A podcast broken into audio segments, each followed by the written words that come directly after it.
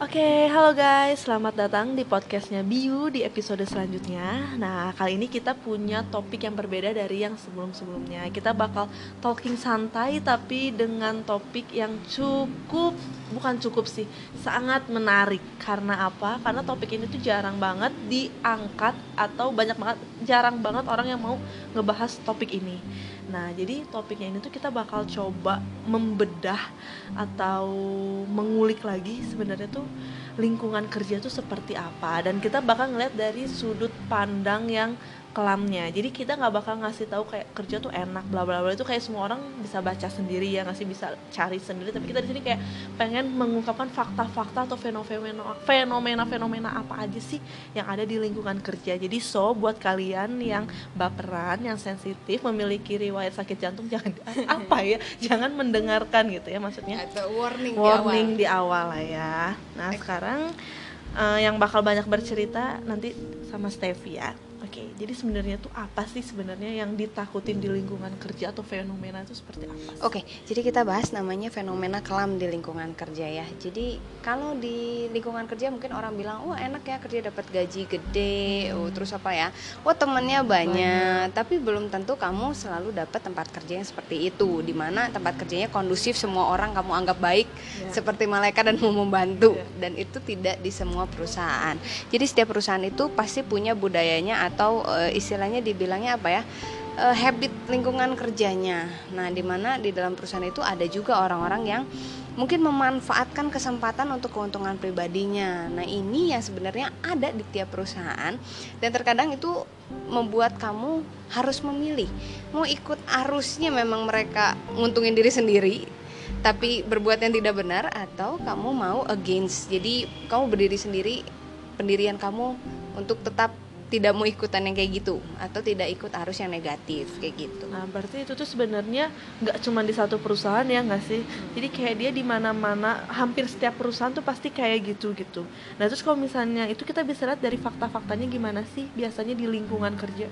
Oke, okay, kalau fakta-faktanya sendiri mungkin kamu uh, wah kalau ngelihat dari berita sih yang pemerintahan hmm. paling gampang ya. Hmm ada korupsi lah yeah. terus ada kalau ada tender atau ada project kan on uh, ya nambahin uang atau dia uh, KKN atau dia ngantongin sedikit yeah. gitu ya atau misalkan uh, misalkan uh, bagian purchasing nih oh iya karena purchasing yang uh, bagian pembelian hubungannya sama uh, si tokonya atau suppliernya ya udah kita pakai supplier ini tapi kamu tambahin dia buat saya nah oh. yang seperti itu jadi banyak terjadi itu ya? banyak terjadi dan terkadang uh, kalau kalau itu masanya udah banyak yang negatif biasanya kamu dibawa atau di running buat ayo ikutan deh. Atau biasanya dibilangnya ini normal kok lu nggak usah panik lu ini normal kok udah biasa di sini.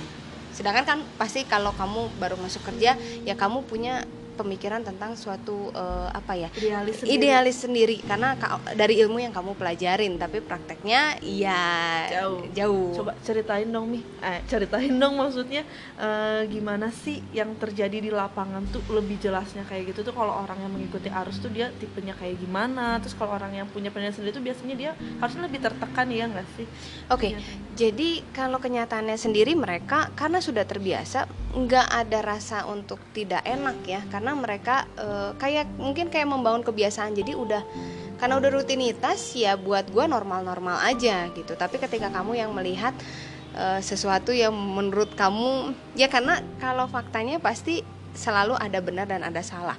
Ada fakta yang seharusnya jalannya benar dan ada yang jalannya salah. Nah, kamu yang akan melihat sendiri nih, ini kok salah tapi dilakuin terus ya. Nah, ketika kamu against dan masa yang negatifnya sudah banyak, nah ketika kamu berdiri atau stand di prinsip kamu untuk tetap di jalan yang benar itu mereka akan nyerang.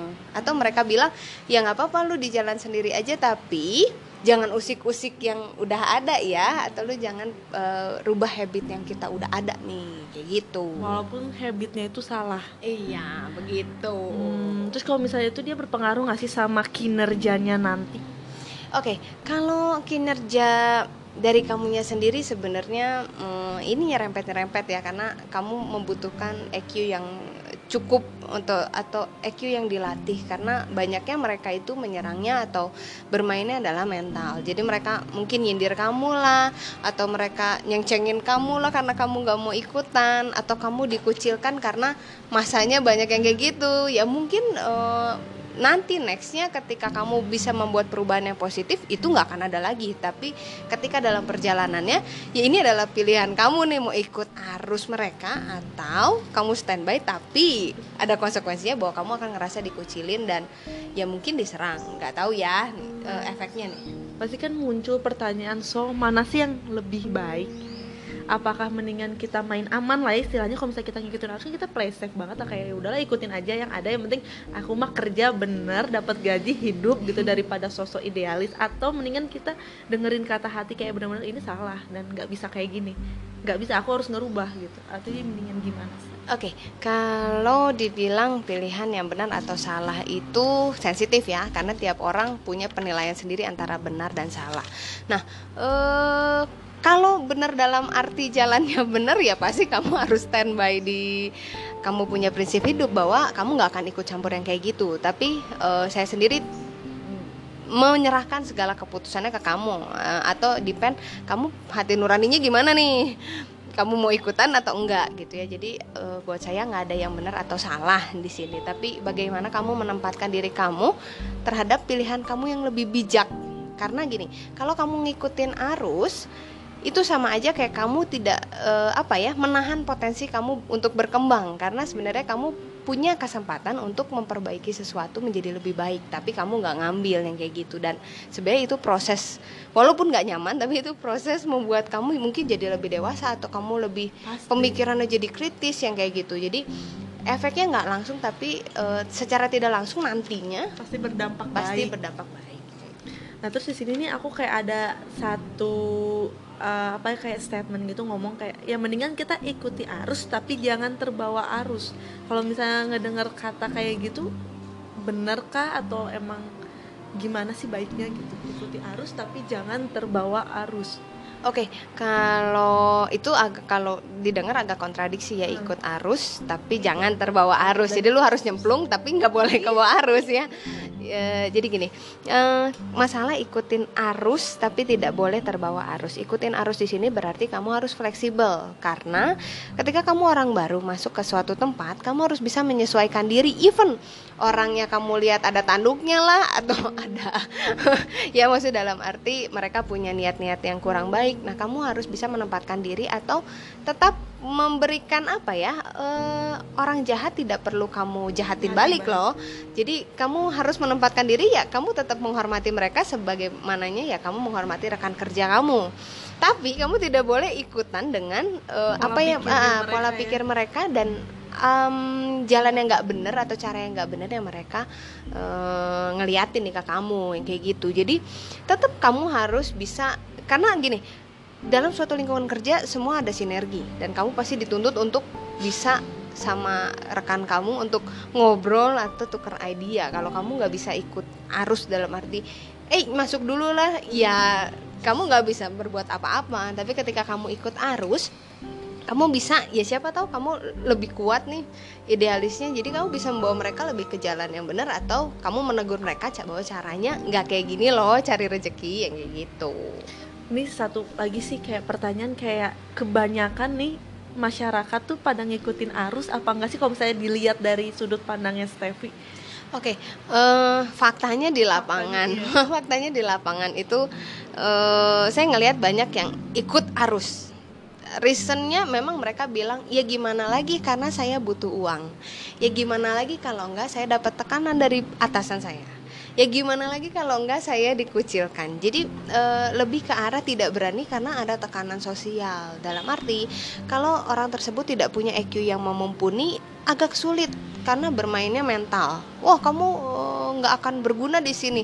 Yang kayak gitulah. Jadi nyerangnya bukan kamu nggak bisa kerja bukan, tapi uh diserangnya apa ya kayak mungkin penghinaan yang tersirat, yang tersurat yang seperti itulah. Pengucilan sosial. Iya, ya. yang kayak gitu. Atau dibilangnya karena kamu nggak ikutan ya kamu kena sanksi sosial yang kayak gitu. Padahal caranya kan tidak seperti itu. Jadi uh, kebanyakan ikut arus tapi karena ditekan dan karena nggak mau. Atau biasanya mereka lebih ke arah diam.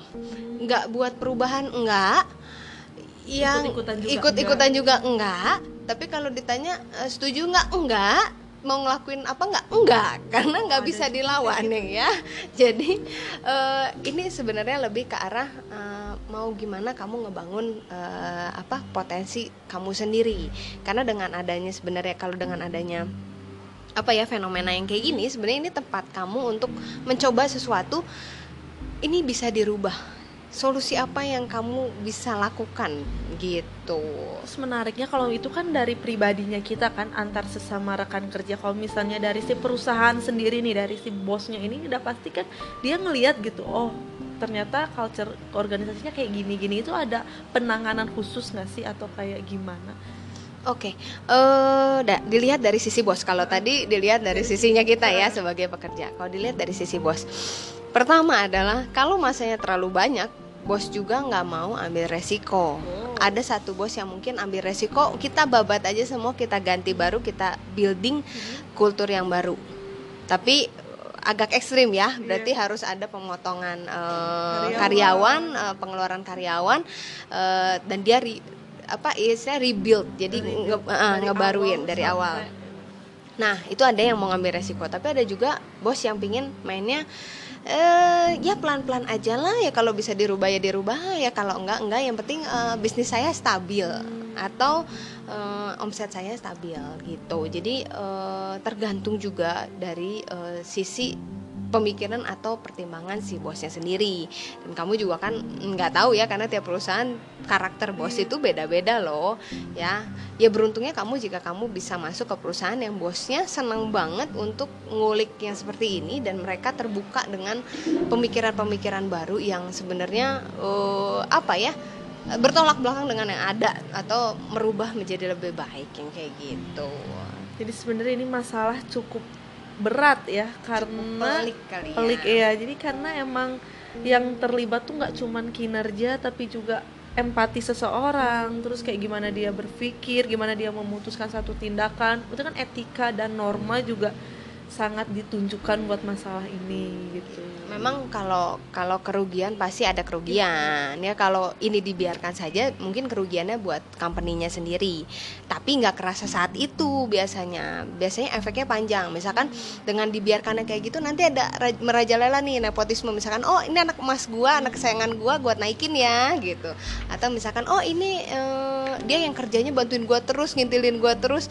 Eh gua kasih bonus ya. Jadi eh, nantinya atau eh, di endnya malah eh, dia berefek buruk.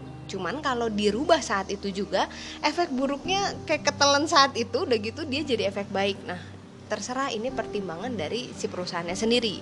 Mau ngerubahnya atau eh, visi dan misi ke depannya perusahaan mau dibawa ke mana yang kayak gitu Oke deh, jadi kayak teman-teman kayak di sini kayak kita nggak baru ngangkat satu fenomena ya, ikuti arus atau melawan arus dan biasanya itu pasti bakal teman-teman rasain kalau misalnya udah kerja.